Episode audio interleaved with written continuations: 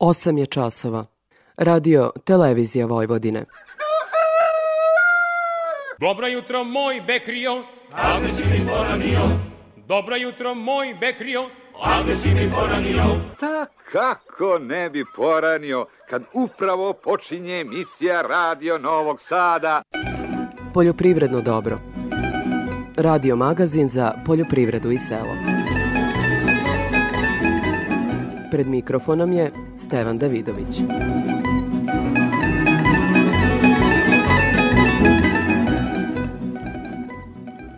Dobro jutro. Na ovogodišnji prinos pšenice presudno su uticale vremenske prilike, ali i primenjena tehnologija. Da li je rod na mnogim parcelama mogao biti bolji? Odgovor je zasigurno da. To nam tvrdi profesor Branko Marinković. Naime, prema njegovim rečima, u zemljište moramo ulagati godinama da bismo u budućnosti mogli da računamo na stabilne prinose. Mi imamo više padavina i više temperature, ali nemamo efikasnost padavina. Upravo iz razloga što nam njiva nije sposobna da primi pljuskovite padavine i da ih čuva vlagu. Nego pljuskovite padavine ostanu površinski, topli dani, naredni i veliko je gubitke vode imamo isparavanje. To je sada ceh 40 godina šta smo radili. Ako sad počnemo, za 40 godina ćemo nešto vratiti nazad, nećemo biti na početku. O tome govorimo u temi emisije. U emisiji dajemo i savete, naime farmeri koji uzgajaju svinje takođe imaju problema zbog visokih temperatura, a problem pravi i stalna pretnja od afričke kuge svinja. O tome, ali i o kreditima u vreme sve skupljeg novca, takođe govorimo u nastavku emisije. U minuloj sedmici počeo je interventni otkup pšenice. Republička direkcija za robne rezerve posredstvom produktne berze u Novom Sadu otkupit će 200.000 tona merkantilne pšenice ovogodišnjeg roda. O tome detaljnije Andreja Matijašević sa produktne berze. Kupovina merkantilne pšenice vršit će se od fizičkih lica, nosilaca registrovanih poljoprivrednih porodičnih gazdinstava. Ukoliko direkcija ne kupi ukupnu količinu merkantilne pšenice od poljoprivrednih gazdinstava, kupovina će se vršiti i od drugih privrednih subjekata. Cena merkantilne pšenice je 25 dinara po kilogramu plus PDV. Direkcija će plaćanje merkantilne pšenice izvršiti u roku do 15 dana od dana dostavljanja kompletne dokumentacije o isporuci merkantilne pšenice direkciji. Prijavljivanje na internet stranici produktne berze vršit će se od 18.7. svakog radnog dana u periodu od 9 do 14 časova. Toliko u uvodu sledi muzika pa izveštaj agrometeorologa.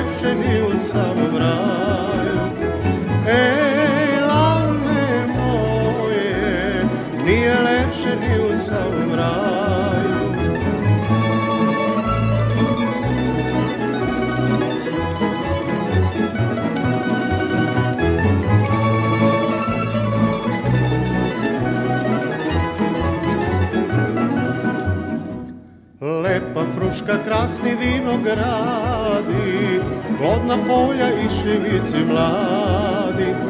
Lepa sela, krasne varošice, čili momci, krasne devojčice. Ej, lane moje, čili momci, krasne devojčice. Ej, lane moje, čili momci, krasne devojčice. Kao što smo najavili u uvodu u prvim minutima poljoprivrednog dobra, sled izvešte agrometeorologa iz Hidrometeorološkog zavoda Srbije Srđana Milakare. Protekla sedmica obeležena je u većini dana izuzetno toplim i suvim vremenom. Temperatura vazduha u jutarnjim časovima bila između 15 i 25, a maksimalne dnevne od 29 do 38 stepeni. Vremenski uslovi su omogućavali privođenju kraju žete ozimih žita. Veoma visoke temperature vazduha proteklih dana nisu prijale jarim usevima jer mogu da izazovu toplotni stres i prekid fizioloških procesa kod biljaka, a visoka insolacija može da izazove ožegotine na plodovima voća. Sredinom sedmice došlo je do prodora svežeg vazduha sa severozapada praćenog olujnim vetrom i nepogodama koje su u pojedinim područjima mogle da nanesu izvesnu štetu na poljoprivrednim usima, voću i povrću. Dospele padavine donekle su osvežile kukuruz, suncokret, soju, šećernu repu i druge useve. Neophodne su nove količine kako bi se poboljšala zemljišna vlaga, a time omogućio jarim usevima bolji uslovi za lakše formiranje ploda. Što se prognoze tiče, u subotu u severnoj, zapadnoj i centralnoj Srbiji očekuje se promenljivo i vrlo nestabilno vreme, očekuje se sunčani intervali, ali i jaki grmljavinski razvoj sa pljuskovima, gradom i olujnim vetrom. Na jugu zemlje će biti pretežno sunčano i veoma toplo sa maksimalnim temperaturama od 35 do 38 stepeni. U nedelju pretežno sunčano uz umeren razvoj dnevne oblačnosti i malo nižu temperaturu vazduha u svim krajima. Početkom naredne sedmice očekuje se pretežno sunčano i veoma toplo vreme, a od srede posle podne promenljivo i nestabilno sa lokalnim pojavama kiše, pljuskovima i grmljovinama. U prvom delu naredne sedmice maksimalne temperature vazduha bile bi od 33 do 40 stepeni, a od četvrtka i malo svežije vreme. Za Radio Novi Sad, Srđan Milakara, Hidrometeorološki zavod Srbije. O aktualnim štetnim organizmima slušamo u izveštaju Milice Tepić iz prognozu izveštene službe za zaštitu bilja. Trenutno je veoma aktualna zaštita ratarskih kultura, stoje šećerne repe, a iduće nedelje nas očekuje i zaštita kukuruza. Ratari i proizvođači šećerne repe, naročito oni koji koriste sisteme za navodnjavanje na svojim parcelama, treba da zaštite svoje useve od crkospore, odnosno pegavosti lista. Zbog padavina koje su realizovane u nekoliko navrata, prisutnih jutarnjih rosa i bujnosti useve koji dodatno stvara povoljan mikroklimat za razvoj patogena, na svim parcelama koje su u monitoringu prognozno izveštene službe, došlo je do širenja simptoma cerkospore. Na pojedinim parcelama simptomi su prisutni čak i na do 100% biljaka. U ovom periodu preporučujemo primjenu fungicida na bazi bakra ili mankozeba u kombinaciji sa fungicidima iz grupe triazola. Proizvođači soje treba da obrate pažnju na grinje, čije prisustvo će najprije uočiti na obodima svojih parcela. Ukoliko se potvrdi prisustvo grinja, treba istretirati upravo te rubne delove parcela primjenom akaricida kako bi se sprečila migracija, odnosno širenje grinja u unutrašnjost parcele i nastanak šteta, koje u ovakvim uslovima u proizvodnji gde se gotovo svakodnevno beleže tropske temperature mogu biti veoma velike. Prethodne nedelje smo skrenuli pažnju našim povrtarima, a i dalje je veoma aktuelna zaštita od krompirovog muljca. Brojnosti ove štetočine svakodnevno se povećavaju. Pomenute tropske temperature ubrzavaju razvoj muljca, ali i propadanje cime krompira – Kod krompira koji se neće uskoro vaditi, preporučuju se sve agrotehničke mere kojima će se zaštititi krtole u zemljištu do momenta vađenja, kao i primjena e, hemijskih mjera zaštite primjenom registrovanih insekticida. Kod krompira koji se vadi moramo primeniti i sve preventivne mere u borbi ove štetočine, o čemu naši slušalci mogu detaljnije pogledati na portalu prognozno izveštajne službe. U usevima kukuruza i paprike u poslednja dva dana beleži se početak polaganja jaja druge generacije kukuruznog plamenca. U uslovima kakvi trenutno vladaju u proizvodnji, vidjenje larvi se očekuje za oko 5 dana, tako da nas iduće nedelje očekuju tretmani za suzbijanje ove najznačajnije štetočine, kako u proizvodnji paprike, tako i kukuruza, pre svega semenskog i kukuruza šećerca. Osim aktualne zaštite krompira, paprika, povrtara i proizvođači kupusa treba da obrate pažnju na prisustvo štetočina u proizvodnji kupusa namenjenog za jesenju proizvodnju. Rasađivanje je na većini parcela završeno i na takvim usevima registruje se prisustvo buvača, čiji se značaj i štetnost povećava upravo u uslovima suvog i toplog vremena, kako trenutno i vlada u proizvodnji. Predlažemo primjenu insekticida iz grupe piretroida ili na bazi cijantraniloprola. U našoj zemlji u toku je berba najvećeg broja voćnih vrsta. Voće kod kojeg još uvek imamo vremena do berbe, pa samim tim i gde je neophodno sprovesti dalje mere zaštite od štetnih organizama su jabuke i kasni sortiment šljiva. U jabučnjacima treba obratiti pažnju na jabukinog smotavca, jer je u toku intenzivno polaganje jaja i početak piljanja larvi druge generacije te štetočine, te u skladu sa tim predlažemo i primjenu insekticida koji deluju i na jaja i na larve, poput insekticida na bazi hlor antreniliprola. U šljivicima, gde su zastupljene kasne sorte poput stenlike, valjevke, čašanske rodne, plodovi su ugroženi od šljivinog smotavca, jer je u toku polaganja jaja i početak piljenja larvi treće generacije ove najznačajnije štetočine šljiva. Predlažemo primjenu insekticida na bazi emamektin benzoata kratke karence. Detaljnije informacije o štetnim organizmima i merama njihove kontrole u usevima i zasadima naši slušalci mogu pogledati na portalu prognozno izveštene službe za zaštitu bilja, odakle se javlja Milica Tepić.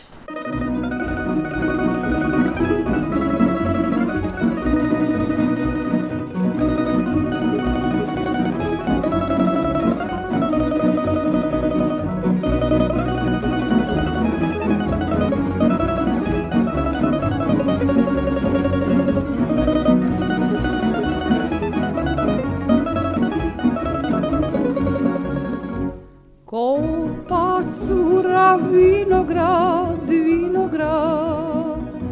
O tud ide momak mlad, momak mlad.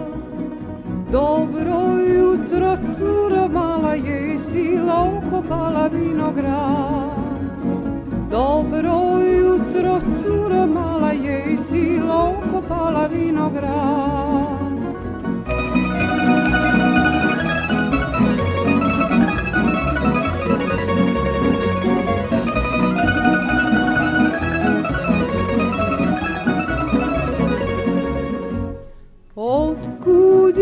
ideš Nikola, Nikola Idem iz Krušedola, Krušedola.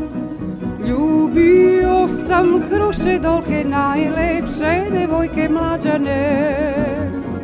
Ljubio sam Krušedolke, najlepše devojke mlađane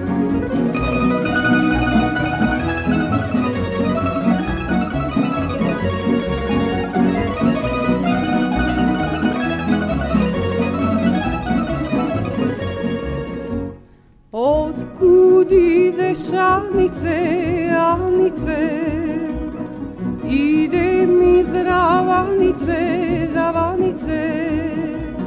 Prevezi me preko druma, ne znam gde je Ruma rođena. Prevezi me preko druma, ne znam gde je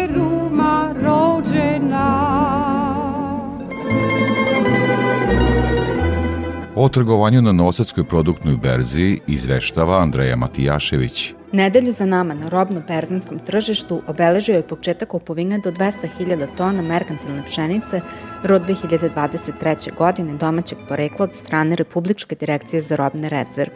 Pored toga, ukidanje sporazuma o izvozu žita preko Crnog mora uticalo na svetska tržišta i dovelo do pomeranja cena na svetskim berzama, što je posledično imalo odjek i na našem tržištu. Tokom ove nedelje preko produktne berze prometovano je 4925 tona robe, što je za 16,43% više u odnosu na prošlonedeljni ukupan obim prometa. Finansijska vrednost prometa iznosila je 125 miliona 910 hiljada 500 dinara, što je u odnosu na proteklu nedelju rast od 24,75%. Kao i prethodne nedelje, pšenica je bila dominantna kultura u trgovanju, a cene gotovo svih poljoprivrednih proizvoda zabeležile su rast. Za razliku od prethodne dve nedelje, kada je tržište kukuruza bilo izuzetno mirno, ove nedelje smo zabeležili povećanje aktivnosti na ovom tržištu. Početkom nedelje kupci su bili povučeni i nisu pokazivali veće interesovanje, da bi se krajem nedelje aktivirali i iskazali veću tražnju za kukuruzom. Na strani ponude smo tokom čitave nedelje beležili veću aktivnost.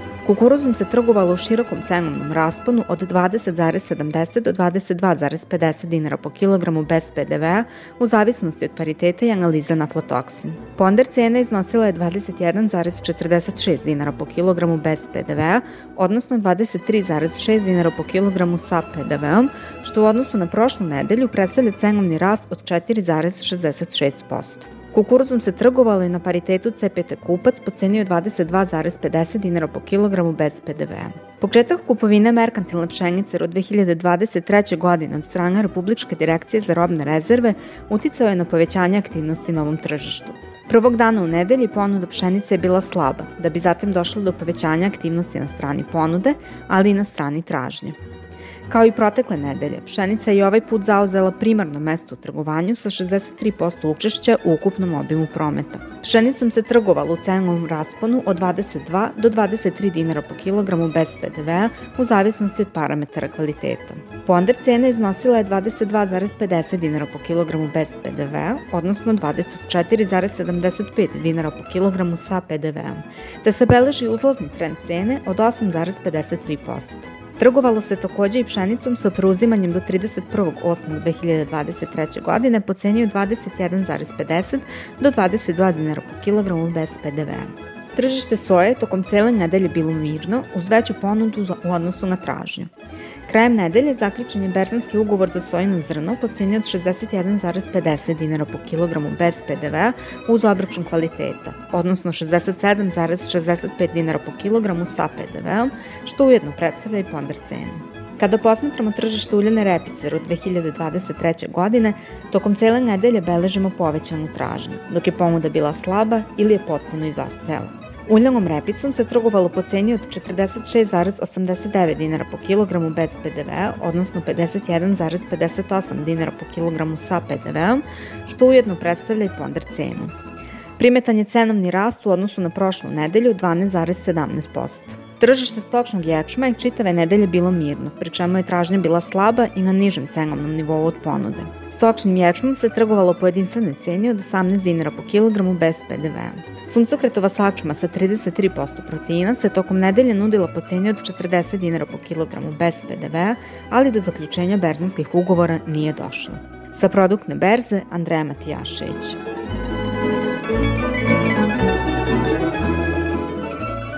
Kao i svake nedelje pratimo izveštaj o cenama na tržištu žive stoke. Iz Infotim Logistike izveštava Vesna Miljanić. Tokom nedelje naši saradnici su tovne svinje sa farme oglašavali po ceni od 245 do 255 dinara po kilogramu. Tovljenike sa mini farme po ceni od 235 do 245 dinara po kilogramu. Tovljenike iz otkupa po ceni od 222 do 230 dinara po kilogramu. Ukupno je na tržištu ponuđeno oko 1000 tovljenika. Tokom nedelje pregovori za tovne svinje sa mini farme postizane su po ceni od 240 dinara po kilogramu.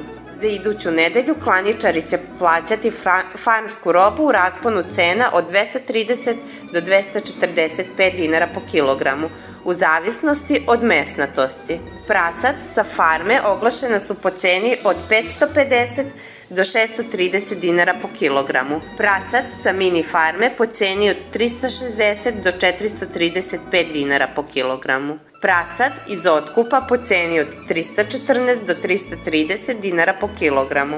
Prasad za dalji tov ponuđena su po ceni od 6.500 dinara po komadu, a prasac za klanje po ceni od 500 dinara po kilogramu.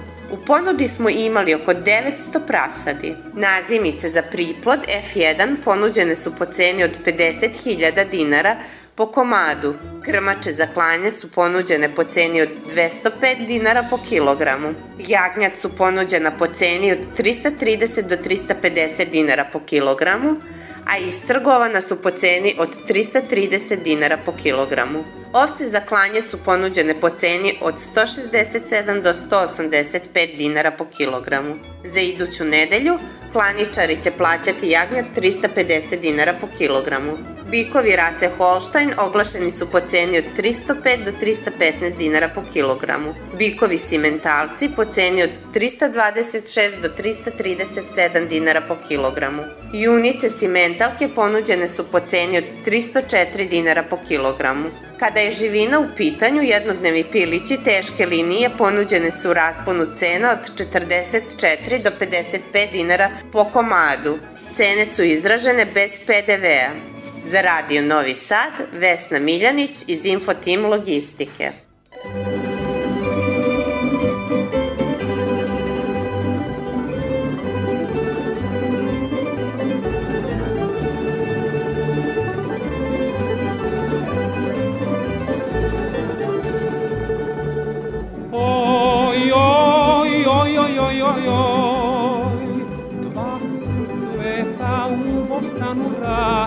Su cveta u Bostanu rasla, plavi sumbul i zelena kada.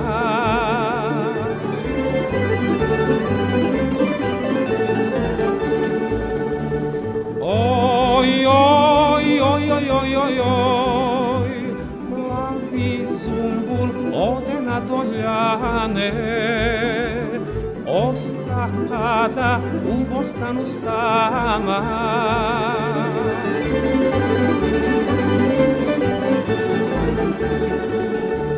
Oj, oj, oj, oj, oj, oj, oj, poručuje zumbu sa doljana, dušo moja u Bostanu kado.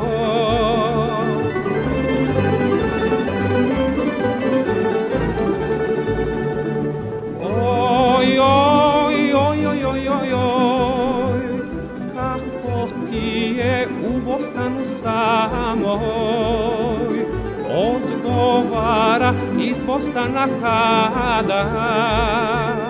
Oj, oj, oj, oj, oj, oj, oj, da ti pišem tri godine dana, ne bih moj ispisala jada. Poljoprivredno dobro. Radio Novi Sad. Tema emisije.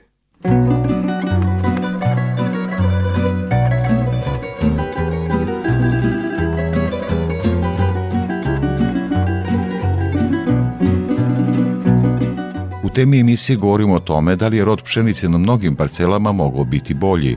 Gost u studiju je profesor Branko Marinković. Profesore, polako se završava žetva pšenice u Srbiji. Kako ste zadovoljni rezultatima? Jako veliko variranje. Jako veliko variranje od 4-5 tona, 6 do 9 i preko 9 tona. Šta procenjujete da je razlog tako visokim variranjima? Ima svega. Ima dobar deo uticaja klime, tamo gde su klimatski uslovi bili takvi, celo proleće je bilo sa padavinama, gde su svaki dan rominjale kiše, bilo malo, malo lepih dana da se može da upotrebi hemija u borbi protiv bolesti.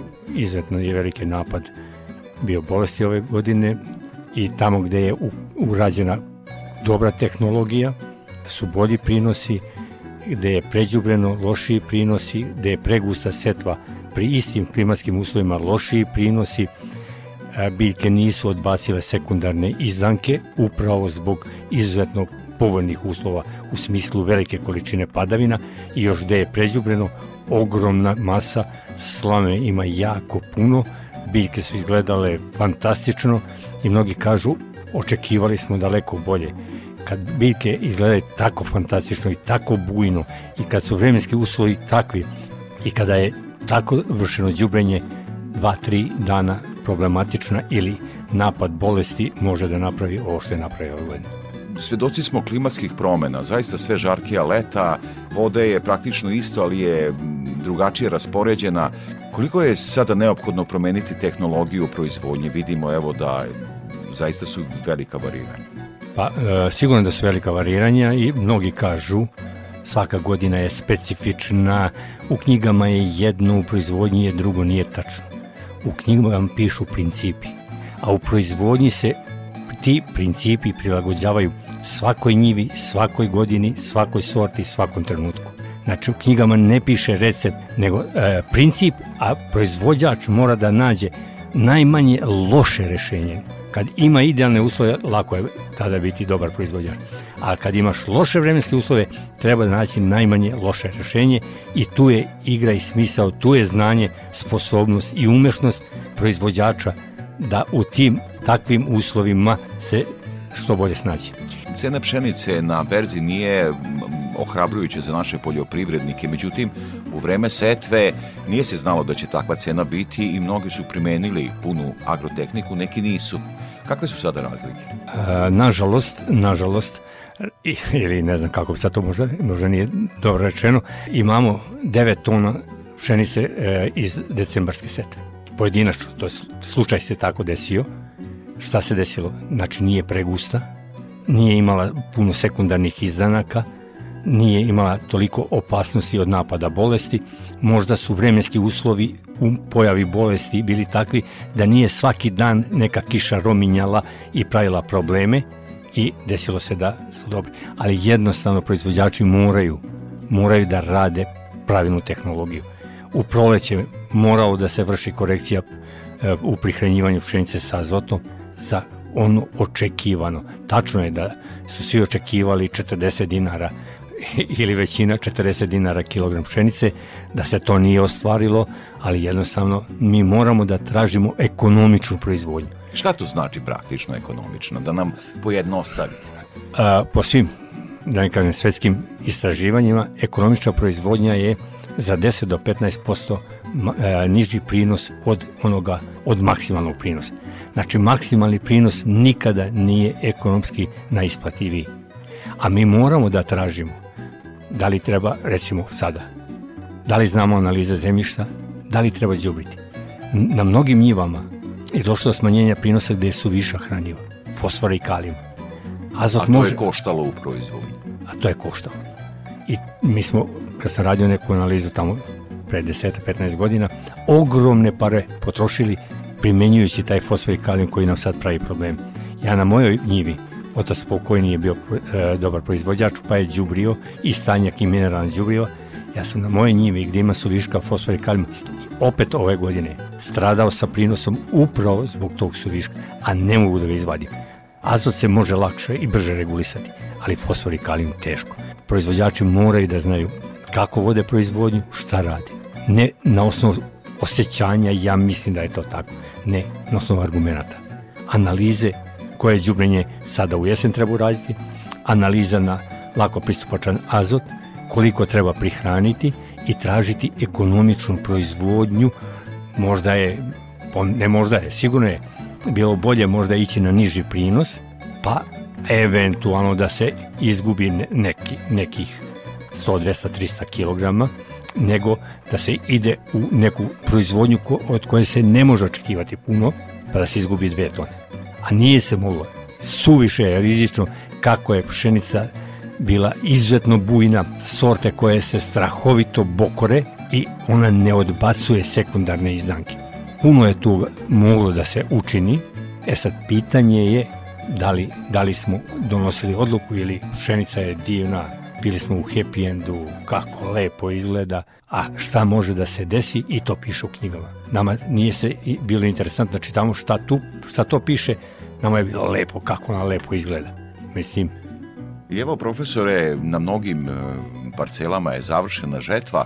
Šta sada raditi sa njivom da bi se naredne kulture maksimalno, ovaj, i kao što smo pomenuli, ekonomičnost i sve ostalo, da bi maksimalno iskoristili ono što nam nudi, nudi, nudi njiva? E, malo pre ste lepo rekli da imamo sve e, više temperature i mislim da taj ugljen dioksid to je zaista toliko loša priča. U staklenicima se povećava koncentracija ugljen dioksida da bi se povećao proces fotosinteze i povećao prinos. Sad kad imamo u atmosferi višak ugljen dioksida mi kukamo. Ugljen dioksid ne može biti taj problematičan i jednostavno ne možemo svojim aktivnostima napraviti toliko veliku problematiku u ugljen dioksidu, vezano za okeane, mora, karbonati, bikarbonati u morima, da ne ulazimo sada u, u, u tu proced, uh, priču. E, po meni, po meni moramo da vodimo računa šta raditi. Nema spaljivanja žetvenih ostataka, nema spaljivanja žetvenih ostataka ni u kotlovima, zaoravanje žetvenih ostataka. Plaćamo ceh. Šta smo radili 40 godina sa žetvenim ostacima? Nemamo mi e, mnogo e, manje količine padavina. Mi imamo više padavina i više temperature, ali nemamo efikasnost padavina. Upravo iz razloga što nam njiva nije sposobna da primi pljuskovite padavine i da ih čuva vlagu. Nego pljuskovite padavine ostanu površinski, topli dani, naredni i veliko je gubitke vode imamo isparavanje. To je sada ceh 40 godina šta smo radili. Ako sad počnemo, za 40 godina ćemo nešto vratiti nazad, nećemo biti na početku. Ali ajde sada počnemo.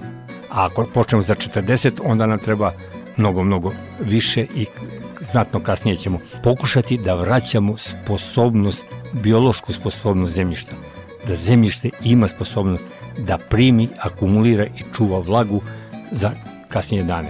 Problem rešavanja sirka totalima. Većina njiva je sad ostala da ništa nije urađeno. I normalna stvar. Ja samo svakom preporučio da uzme uzorke odmah kad je skinuo pšenicu da vidi kolika je vlaga i sada 10, 15, 20 dana posle toga. Koliko je sada vlaga? I ako je bila vlaga 13, 14, a sada je 9, u sloju od 30 cm, koliko treba padavina da padne da smo na startu koliko smo imali. Još uvek, ako je 13-14, to nije pristupačna voda, ali je, ide ka pristupačna. A ako je 9, treba puno padavina da smo na startu ono šta smo imali posle žetve pšenice. Dajmo neke stvari drugačije postavljati. 40 i 50 godina rešavamo problem sirka, nismo ga rešili. Da li hoćemo, da li želimo, drugačije da radimo. Da li želimo da naše njive budu sposobne, da e, zemljište bude biološki zrelo, kako su naši stari profesori govorili, da ima sposobnost da da biljci sve uslove za dobar prinos. Koliko je dobro da, da se pšenica sve više nalazi na našim njivama? Koliko će ona uspeti da obnovi zemljište tim zaoravanjem? E, sigurno svi žetveni ostaci. E, već količinu žetvenih ostataka imamo posle kukuruza, nego posle pšenice. Ove godine izuzetno imamo veliku masu, puno je slame, proizvodnih razloga koji sam pričao. Imamo posle kukuruza, možda e, manji je nešto prinos organske materije, stabla i lista posle suncokreta. I eventualno posle soje. E sad tu je taj odnos ugljenika i azota u žetvenim ostacima vrlo bitan. Po meni treba da pravimo rotaciju useva, plodosmenu, poljosmenu i na taj način zaoravanje žetvenih ostataka da očekujemo neke, neke, neke tek minimalne rezultate posle 10-15 godina. Znači, ne može niko da tvrdi zaoroje žetvene ostatke i povećao sadržaj humusa posle dve godine za pola procenta ili 1%. Nije tačno, nemoguće je. Zna se tačno gde je greška. Ali nemojmo misliti da ćemo tako brzo ispraviti sve ono što smo radili loše u prethodnim godinama. A moramo da počnemo. Moramo što zbog nas, što zbog pokolenja koje dolazi. Možda, profesore, u najkraćem da pobrojite u tehnologiji i proizvodnji gde se može intervenisati kod mehanizacije, odnosno obrade terena, analize, đubrenja, koji su to u najkraćem elementi gde, se, gde će se u budućnosti intervenisati? Sigurno da svaka agrotehnička mera nosi svoj deo prinosa.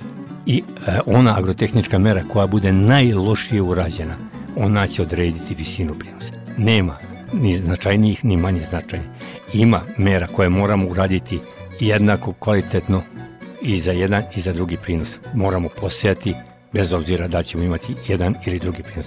Pitanje je količina semena i gustina setve. Moramo poorati. Isto je vrlo bitno, ali oranje utiče na kapacitet zemljišta, ali to radimo i za jedan i za drugi prinos.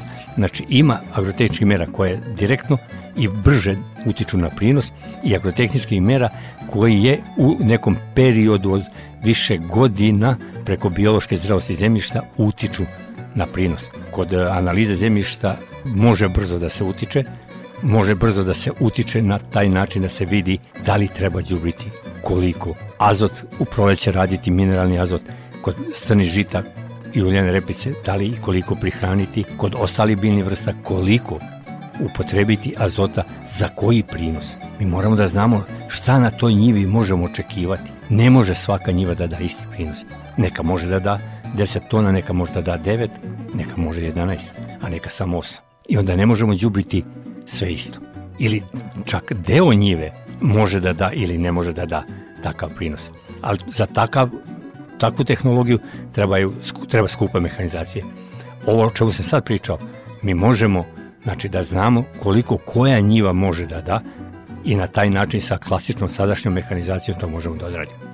Evo, profesore, za kraj razgovora, vrlo ste aktivni tokom cijele godine dajući savete našim poljoprivrednicima na osnovu analize zemljišta i ostalih parametara. Neka vaša poruka za kraj na osnovu onih analiza koje vidite najčešće na našim parcelama. U, veliko variranje. Veliko variranje od već izraubovanih njiva sa fosfornim sa kalijumom, izuzetno nizak nivo fosfora i kalijuma do enormno visoke količine od 2-3 mg, 1 mg koliko smo čak našao, do 100 i preko 100 mg. Znači jednostavno ne možemo ovako ne možemo. Moramo da se ponašamo drugačije i ono što ja savjetujem proizvođače, radite da bi zaradili. Pa vodite računa da od tog, od tog svog rada imate najveću zaradu. Nemojte raditi tek toliko da bi radili. Profesor Branko Marinković, velikom hvala za ovaj razgovor i učešću u programu Radio Novog Sad. Nema na čem, vrlo rado.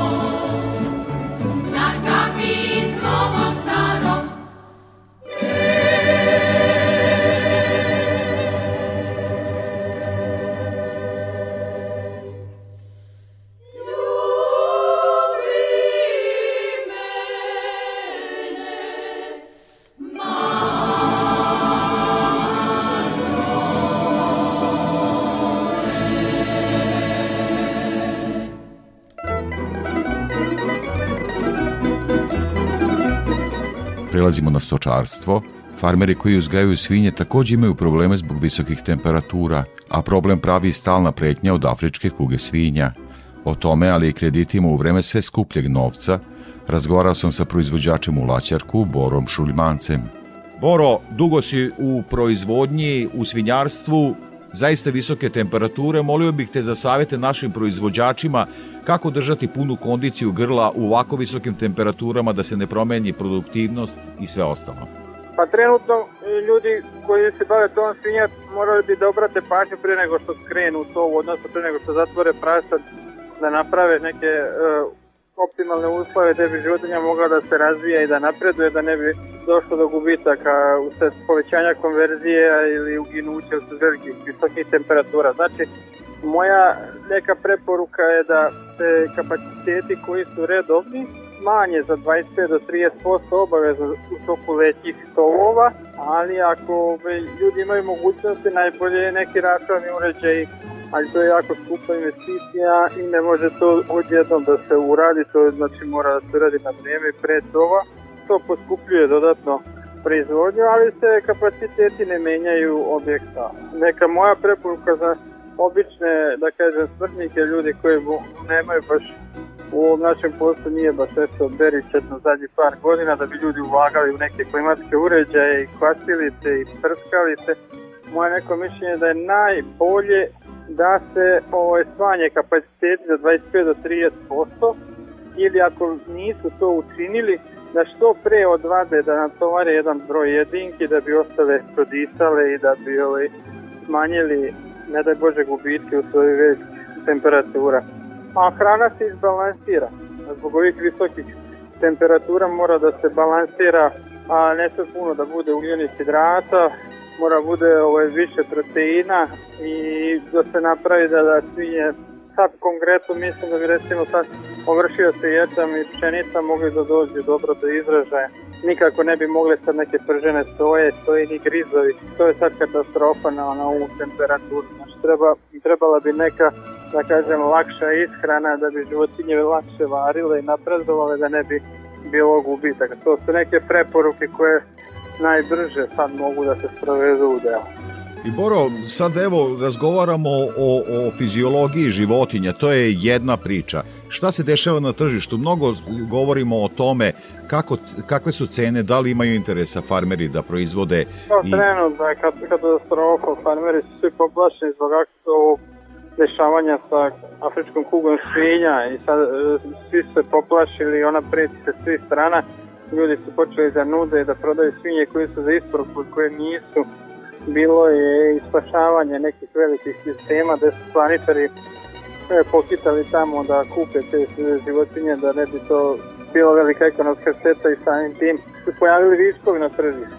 I onda su oni to odmah zaupotrebili i oborili cenu tako da svinje sad su 270 tone 240 dinara a cena koštanja je trenutno 230 znači ostala je neka mrva borimo se da prodamo to, ja konkretno imam još nekih hiljada komada da rasprodam, trenutno ne mogu nedeljno više od 200 da prodam, znači neće niko da kupi od staničara i da su prebukirani, malo se upotrebljavaju ovo stanje, ali farmeri su dosta, dosta zabrinuti zbog afričke kuge svinja. Imamo još jedan velik problem, ne zanavljaju se novi, novi, kogod proda ne kupuje prasiće, čeka da se taj status reši, jer je cena prasića i dalje jako, jako visoka i onda...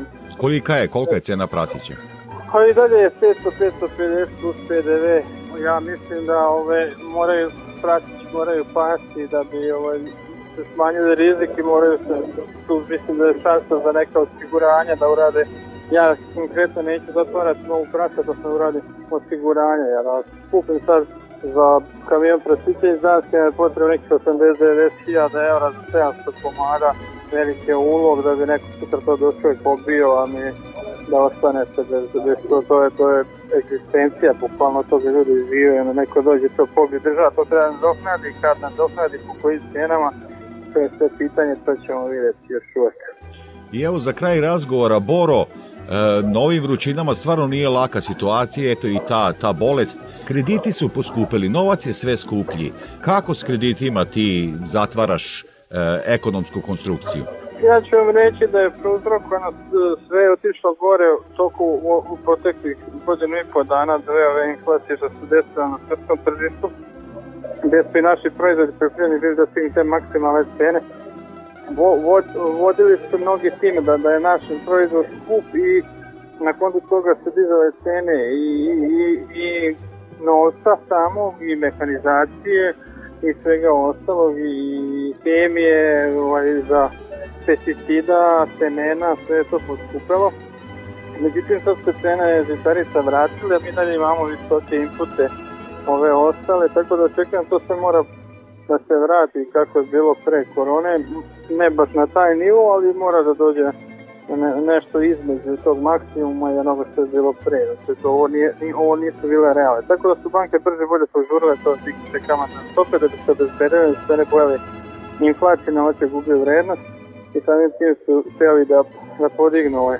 To su ugovorima imali neke kao uzove vezane za euro ribar, tako i to su nam sad veštački to malo podigli, ali čutimo i trpimo, nije korektno po meni, ali ja konkretno imam sa na bankom dobru i kao, kao dobar komitent dobijam i dalje povoljne kredite koji su vezani lično za moje gazdinstvo gde ja direktno pregovaram sa bankom i, i onda mi ona odobrava i toga se držimo našeg dogovora i tu nema problema.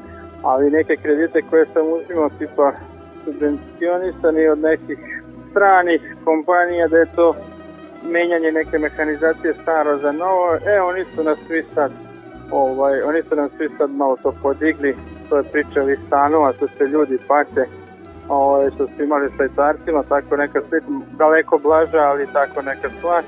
I to, to, to mi se ne sviđa, rekao sam ovaj, da, da taj kredit sam odmah zatvorio i ostao sam novim domaćim kreditima koji su ovaj, od moje banke i koji su i korisnik sam redovno vi subvencionisanih poljoprivrednih dinarskih kredita, tu vam je naj, najmanji rizik, nema, nema šta. I oni jesu kratkoročni, ali su korisni i ovaj, kad god mogu da ih koristim, ja ih uzimam to su da kažem jeftine pare, tako da sad ja mislim da će i to u nekom narodnom periodu da se stabilizuje i da, da se vrati. Sad mislim da su trenutno nepovoljni. Mada kažem, koji su zdravi poljoprivrednici imaju dobre bilanse, za njih su daleko drugačiji uslovi nego za neke koji su u problemu, pa traže sad pomoć da bi se e, refinansirali, oni onda ovaj, dobijaju malo lošije uslove, ali to je uvek i bilo tako. Znači, za dobre poljoprivrednike, konkretno za tebe, banka ima razumevanje i postignut je partnerski odnos. Nemam nikakvu zamerku što se toga tiče. Bora Šuljmanac, farmer iz Laćarka. Veliko ti hvala, Boro, za ovo javljanje u program Radio Novog Sada. Hvala i pozdrav svim slušalcima Radio Sada.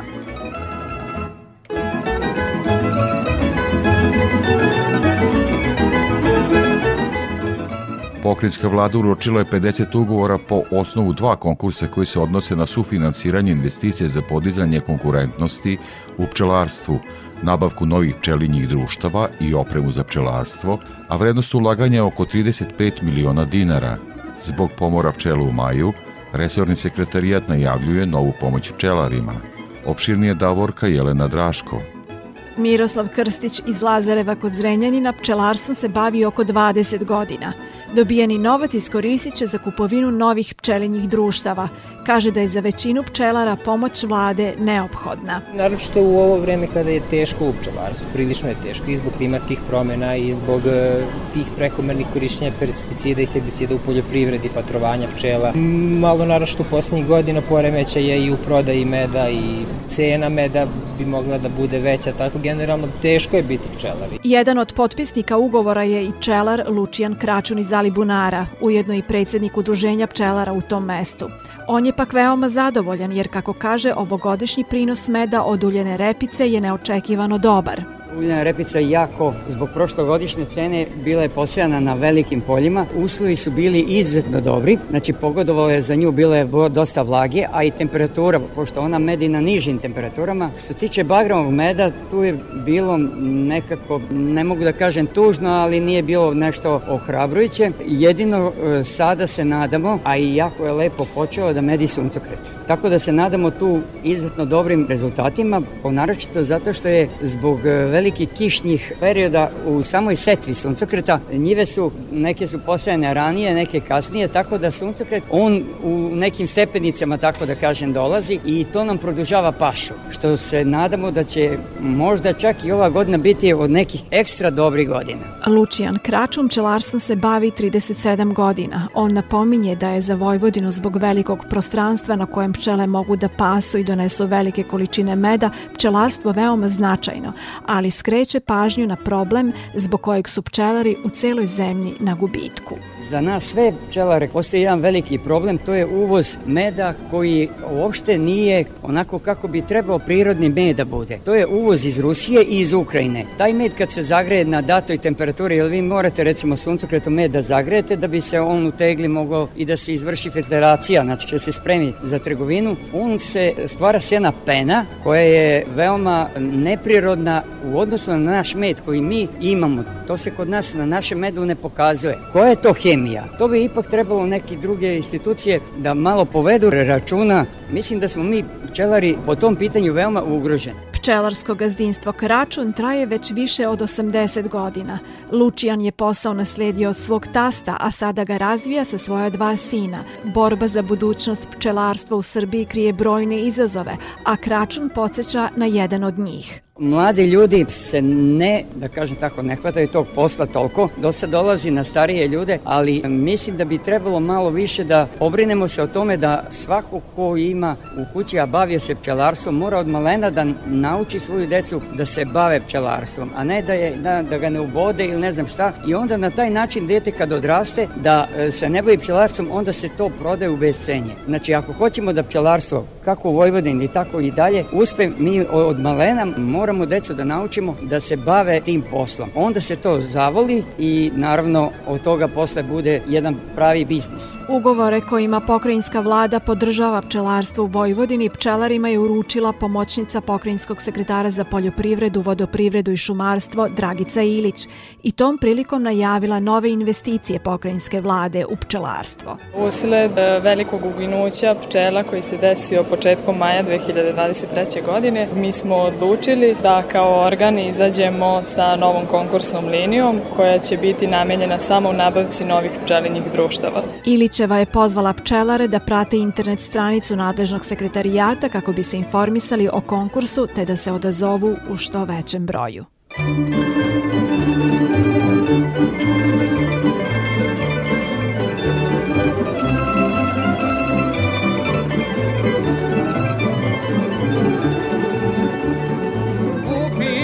바보.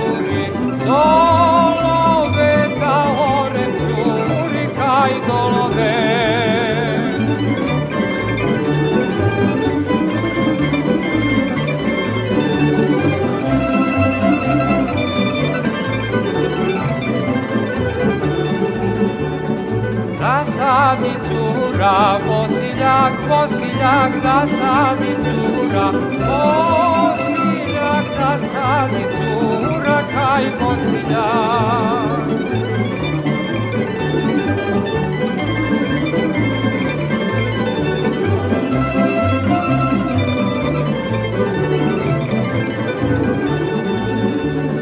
Danji me kiti, prozore, prozore, danji me kiti, prozore, danji me kiti, kaj prozore. Na osnovu konkursa za sufinansiranje nabavke mehanizacije, opreme i zaštite u sektoru voćarstva i vinogradarstva, u pokrinjskoj vladi potpisano su 172 ugovora sa vlasnicima poljoprivrednih gazdinstava, pojedinosti Milijana Kočić. Za poljoprivrednike iz Vojvodine sufinansiranje ulaganja, kažu, predstavlja značajnu podršku. Bavimo se voćarstvom, kajamo jabuku, nekih 4 hektara. Krenuli smo da se bavimo poljoprivredom od 2018. godine. Da nije tih subvencija, pitanje je kako bi tako možemo lakše da se razvijamo i da rastemo u ovim teškim uslovima. Potpisujemo ugovor za nabavku atomizera u voćarskoj proizvodnji. Svaki vid subvencije je više nego dobrodošao u ovim teškim vremenima, tako da jako su korisne i nadamo se da će to i dalje potrajati. Za ovaj konkurs opredeljeno je čak 109 miliona dinara umesto planiranih 80, ističe pomoćnik pokrinjskog sekretara za poljoprivredu Mladen Petreš, osvrćući se i na rizik od nepogoda. I ove godine smo žao svedoci kako vremenske prilike mogu da budu surove i kako da svega nekoliko minuta može da bude desetkovan celogodišnji rad i planirani prihod naših poljoprivrednika. Pokrinjski sekretarijat prepoznaje značaj neophodnost ulaganja u zaštitu vremenskih nepogoda, s obzirom da su voćarske i vinogradarske proizvodnje visoko intenzivne i da su ulaganja po jedinici površine izuzetno visoka, te i najmanji propust može da dovede do milionskih gubitaka. Štete nakon nevremena bilo je mnogo, kažu poljoprivrednici za Radio Novi Sad, svedočeći i o tome da su se lokalne samouprave odmah organizovale u saniranju posledica. Ivan Baštovanović iz Klenka, opština Rum. Od nas konkretno bilo je jako nevreme. Lično nismo imali prevelike štete. Opština Ruma znam da je pokrenula postupak za nadoknadu štete i nadam se da će se ljudi savesno javiti da pomoć ode u prave ruke. Đorđe Stević, dolazim iz opštine Šid, mesto Bačinci. Bačince je baš pogodilo jako nevreme i imamo tamo negde oko 3 miliona štete na jednom moćnjaku. Dobili smo onda juče pomoći od države da broj telefona, tri slike na Viber i da se proslede slike ovaj, u opštini Šid. Ja sam Zlatković Dragan, Surduk. Mi smo i dobro prošli sad u odnosu na druge krajeve. Betina Šuranji iz Temerina, zadruga Žunji Silak. Štete su ono prihvatljive, da tako kažem. Neće biti pun prinos, ali ipak ostaće nešto. Iz nadležnog sekretarijata poručuju da se ulaganjima u savremene metode i tehnike kojima se može sprečiti velika šteta obezbeđuje stabilna, sigurna i isplativa proizvodnja.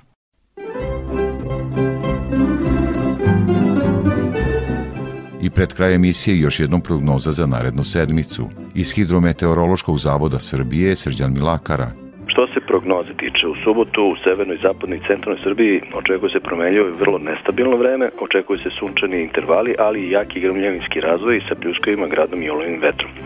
Na jugu zemlje će biti pretežno sunčano i veoma toplo sa maksimalnim temperaturama od 35 do 38 stepeni. U nedelju pretežno sunčano uz umeren razvoj dnevne oblačnosti i malo nižu temperaturu vazduha u svim krajima. Početkom naredne sedmice očekuje se pretežno sunčano i veoma toplo vreme, a od srede posle podne promenljivo i nestabilno sa lokalnim pojavama kiše, pljuskovima i grmljavinama. U prvom delu naredne sedmice maksimalne temperature vazduha bile bi od 33 do 40 stepeni, a od četvrtka i malo svežije vreme. To bi bilo sve što smo pripremili za ovo izdanje poljoprivrednog dobra Radio Novog Sada. Emisiju montirao Jovan Gajić. Muziku birao Aleksandar Stojanović. Pozdravlja vas urednik i voditelj Stevan Davidović. Naredni susret je za sedam dana uz podsjećanje da emisiju možete slušati i odloženo na portalu Radio Televizije Vojvodine na adresi rtv.rs. Svako dobro!